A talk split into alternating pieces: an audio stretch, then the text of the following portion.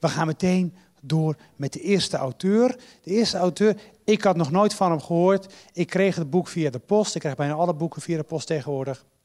En uh, begon te lezen. En wat me zo aansprak, was dat hij schreef over mijn literaire held. Namelijk de Franse uh, uh, schrijver, observator, estheticus, en natuurlijk langslaper, want hij schreef het hele oeuvre in bed. Die man kwam nooit uh, het bed uit. Ik weet niet wat voor matras die heeft gelegen, maar het moet een heel goed matras zijn geweest. Misschien kan Jelle Noorman daarover vertellen. Jelle Noorman schreef het boek Geen tijd voor Proest. Kom naar voren, dan, gaan we, dan ga ik je doorzagen over het boek.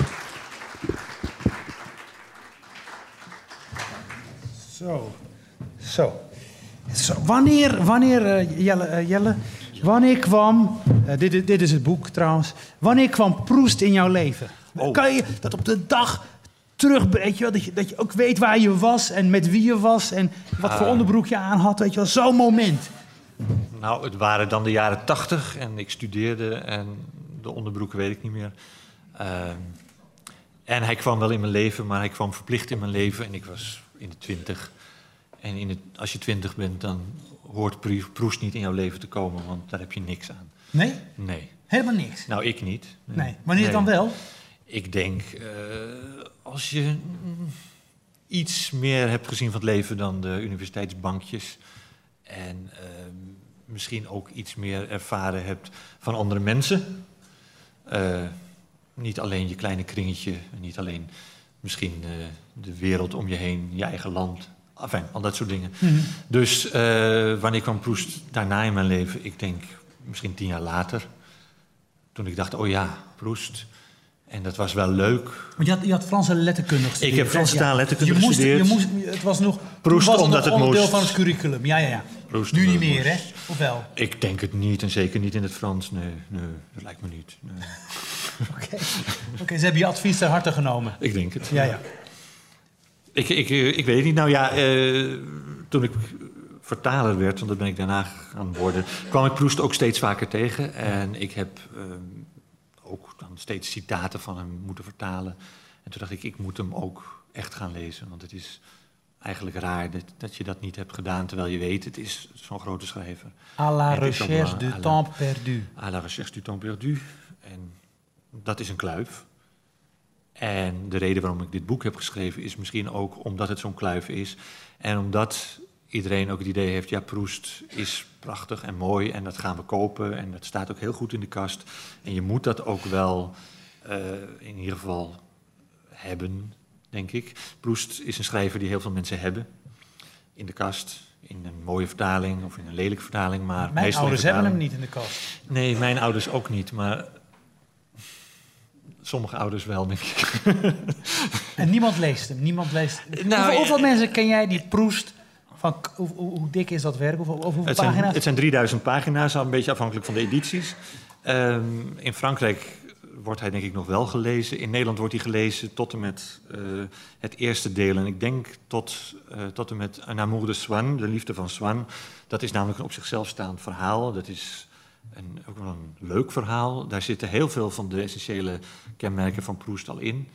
En uh, dat, dat is leuk. Maar dan ga je verder en dan komt hij eigenlijk weer terug bij waar hij begonnen is. En dat is een ingewikkelde bespiegeling over wat er met je gebeurt. Bijvoorbeeld als je in bed ligt en uh, de slaap niet kunt vatten. Hij lag veel in bed. Hij lag veel in bed.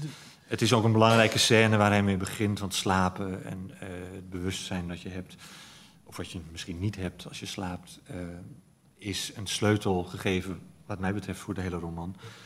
Um, hij gaat daarop door. Het leuke liefdesverhaaltje met heel veel jaloezie en passie is voorbij. En je komt terug in iets wat heel erg de moeite waard is als je de tijd neemt. En als je ook doorgaat, als je na dat eerste deel ook de volgende delen ja. gaat lezen. Ja. En dan merk je dat het een, uh, een hele mooie structuur is. Uh, het is vaak een kathedraal genoemd. Uh, hij heeft het ook veel over kathedralen, dus dat is mooi.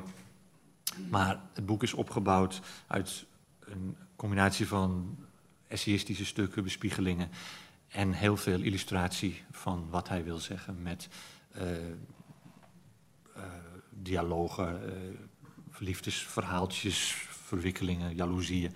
Enfin, uh, dat klinkt heel banaal, maar zoals hij het doet, is het dat niet. Nee. Waarom wordt het bij hem niet banaal? Omdat hij, naar mijn idee, uh, alles wat hij schrijft gebruikt om iets duidelijk te maken en niet zozeer om uh, het onvermogen van de mens om liefde te kennen, nog weer eens te beschrijven. Dat is al heel vaak voor hem gedaan en na hem ook. Maar ik denk dat hij hele essentiële dingen vertelt over het menselijk bewustzijn, over hoe wij de dingen ervaren. Uh, tijd is, zoals je uit de titel kunt opmaken, een belangrijk gegeven.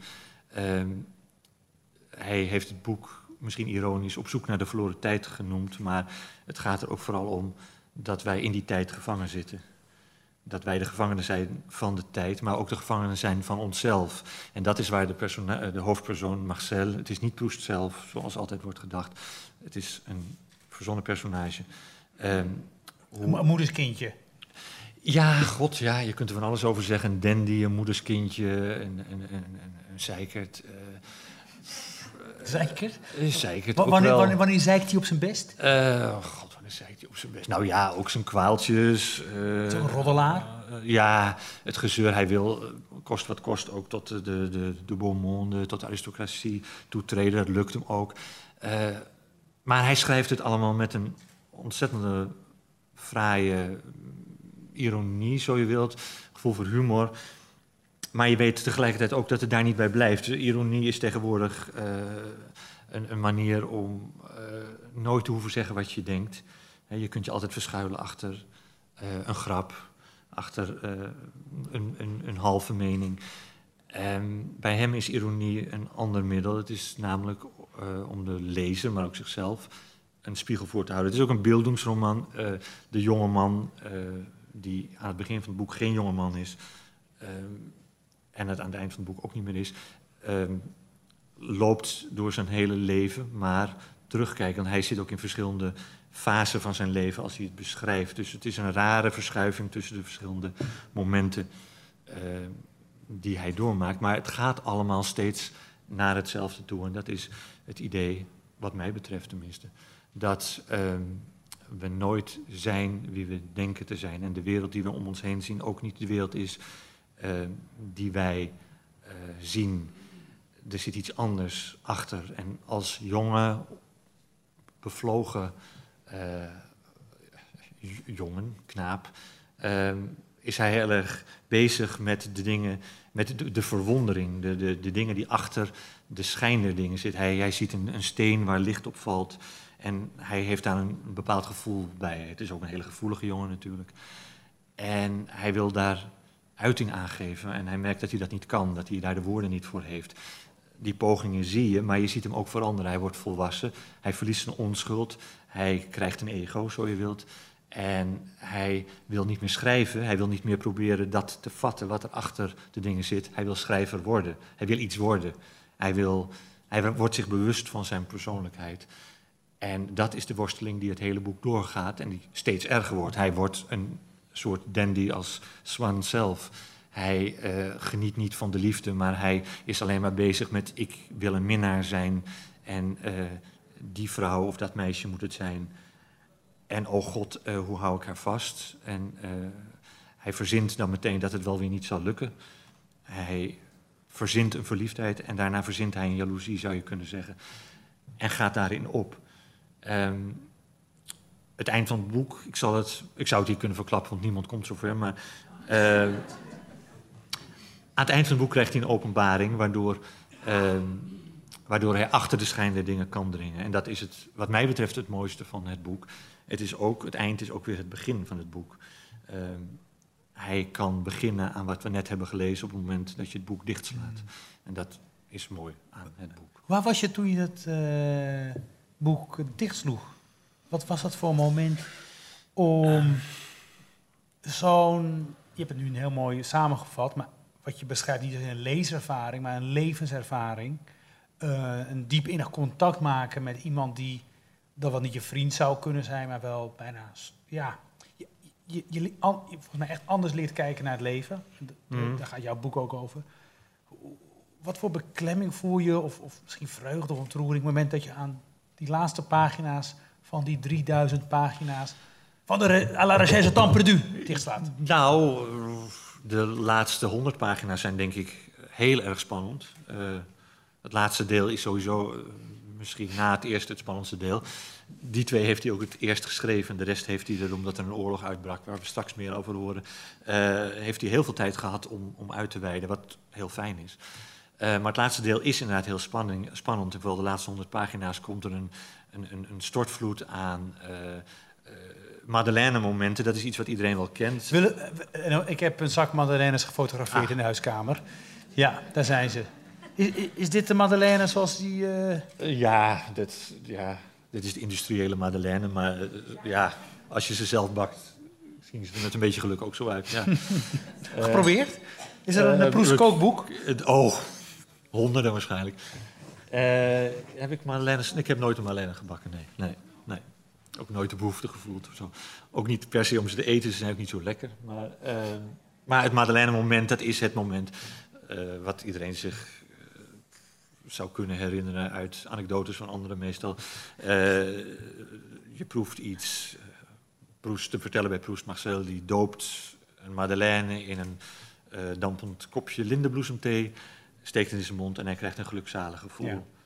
Wat de meeste mensen eh, zich erbij voorstellen is dat er dan onmiddellijk een herinnering boven komt en dat dat het dan is. Het een madeleine-moment is dat je iets proeft en er komt een vergeten herinnering boven. Dat is niet wat Proest beschrijft. Proest doet er ook 40 pagina's over om dat madeleine-moment te pakken. Het is meer dat er een gelukzaligheid in hem, schuilt, eh, in hem eh, komt, Ja. Waar hij uiteindelijk een herinnering aan kan verbinden. Hij, noemt- hij noemt dat de, de onvrijwillige herinnering. De onvrijwillige herinnering is dat. En op zijn Frans klinkt dat veel mooier en dus ook Eh, serieuzer. ja, de, eh, la mémoire involontaire is dat. Oh ja, natuurlijk. Ja. Ja. Ja. prachtig. Prachtig. Maar het is hetzelfde. En ehm, dat soort dingen komen als een soort staccato in het laatste deel ook nog voor. Maar vallen dan ook in plaats. En Ik, afijn. ik wil naar eh, zo'n eh, memoire involontaire in, jouw in jouw boek. Ja. En daarvoor wil ik dat je mij aankijkt Ja. en niet naar Leno.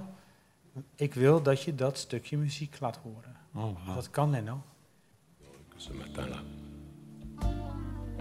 Nous marchions sur une plage, oh la la. un peu comme celle-ci. C'était l'automne. Ja, ja, zo Un automne où il faisait beau. Une saison qui n'existe que dans le nord de l'Amérique. Là-bas, on l'appelle l'été indien, mais c'était tout simplement le nôtre. Avec ta robe longue, tu ressemblais à une aquarelle de Marie Laurencin. Et je me souviens, je me souviens très bien de ce que je t'ai dit ce matin-là. Il y a un an, il y a un siècle, il y a une éternité. On ira où tu voudras quand tu voudras. Ja, Genoeg, hè? ja. Nou, leg het maar uit. Ehm, het is een soort van Madeleine-moment in mijn boek. Mijn boek is geen navertelling van Proest, maar ik probeer een aantal thema's uit eh, eh, op zoek naar de verloren tijd eh, te verduidelijken. De uitgever heeft het heel mooi een ideeënroman genoemd. Dat is misschien een beetje, nou ja, dat is nogal een woord, maar goed. De gedachte is dat ik een aantal van de thema's bij Proest probeer te illustreren. En dat doe ik ook door een verhaal te vertellen. En mijn verteller ehm, krijgt in Parijs een tamelijk banaal eh Madeleine-moment. Door eh, de associatie van licht in de nazomer, zomerlicht. eh, de été indien, de Indian summer kennen wij het meer als. Ehm, en dan komt dat lied van Jodassin boven, l'été indien. En het ergert hem dan dat hij zo'n ontzettend banale herinnering heeft. En dat hem, eh, dat hem dat wel te binnen schiet. En hele mooie gedichten die hij graag zou kennen uit zijn hoofd. Dat, dat hij die met geen mogelijkheid naar boven kan halen. Probleem van de oppervlakkige mens misschien, van de moderne mens. Maar enfin, Ja. dat is eh, de associatie. Ja. Ehm, zou, wat, wat, wat zou Proest van deze tijd vinden? Ehm, ik, denk, ik denk dat er helemaal niet zo'n groot verschil is tussen onze tijd en de zijne. Ik bedoel, cosmetische verschillen zijn er uiteraard. En, ehm, het is in deze tijd niet zo heel moeilijk, denk ik, ook om een soort proestfiguur te zijn. Ehm, ik denk dat het eigenlijk van alle tijden is.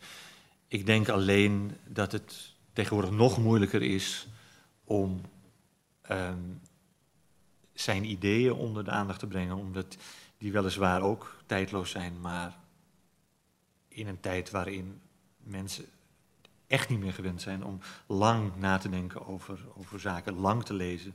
slow reading is nu een begrip.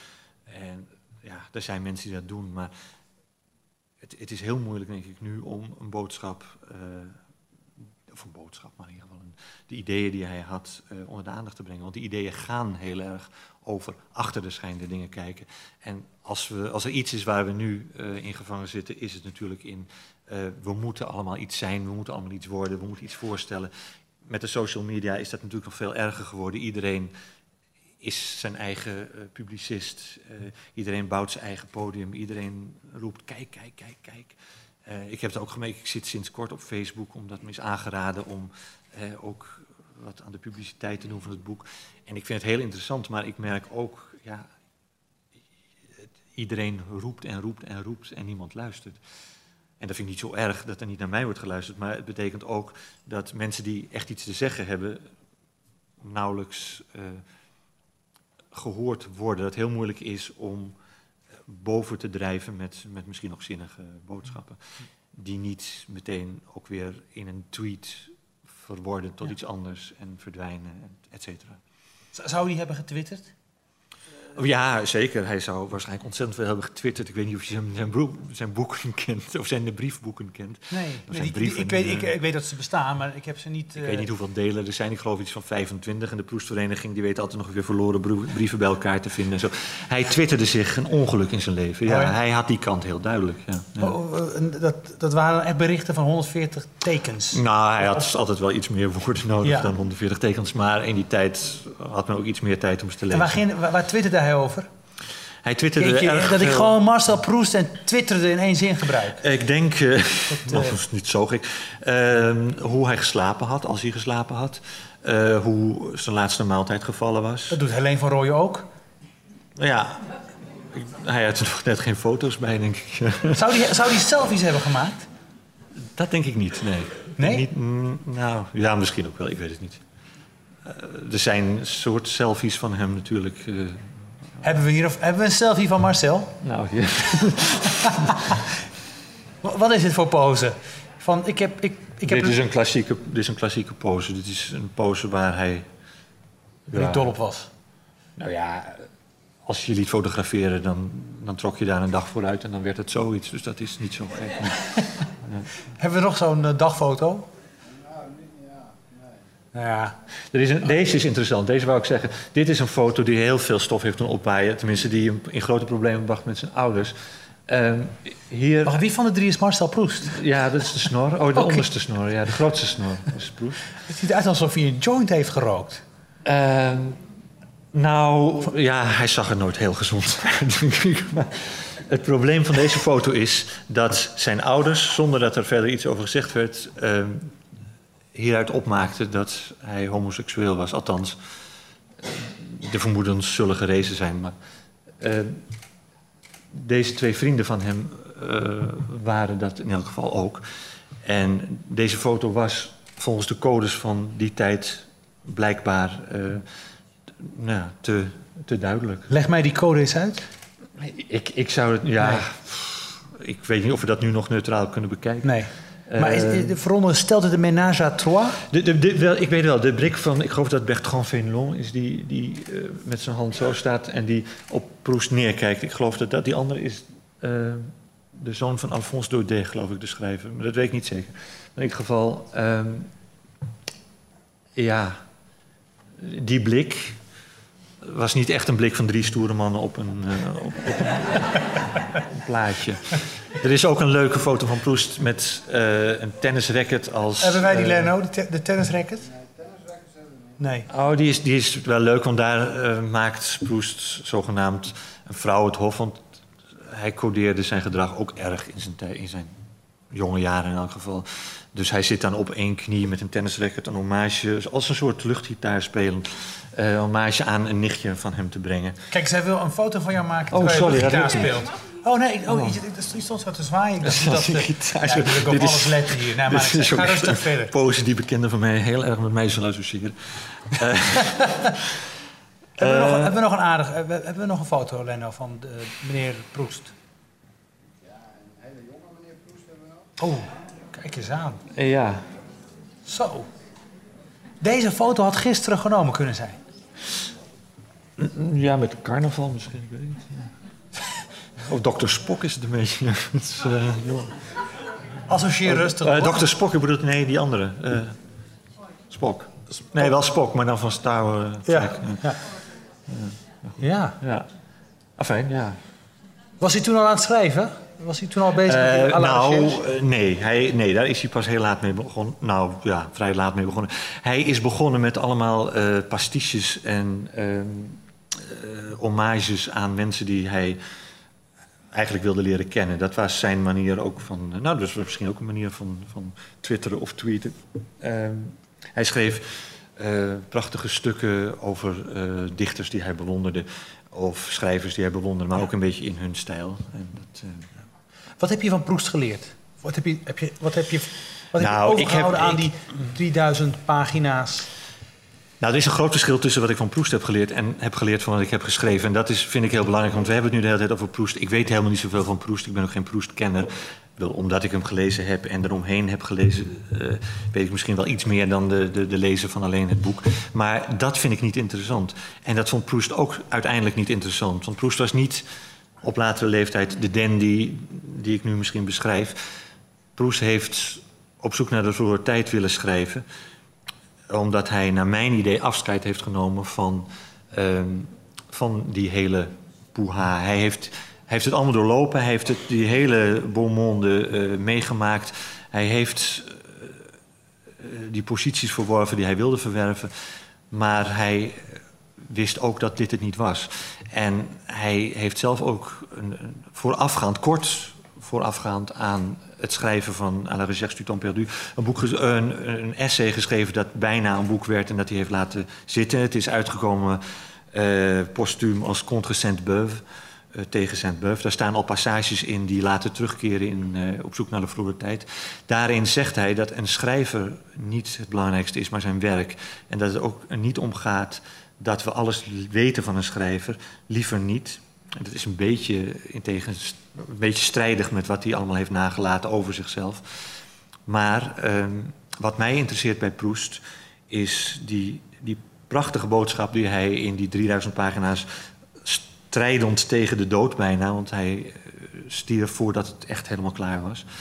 Hij heeft de laatste delen ook niet meer kunnen nakijken, maar heeft hij eh, geprobeerd om wat hij van het leven geleerd heeft, ehm, heel nauwkeurig, maar heel diepzinnig, naar mijn idee, en met heel veel humor ehm, op te schrijven.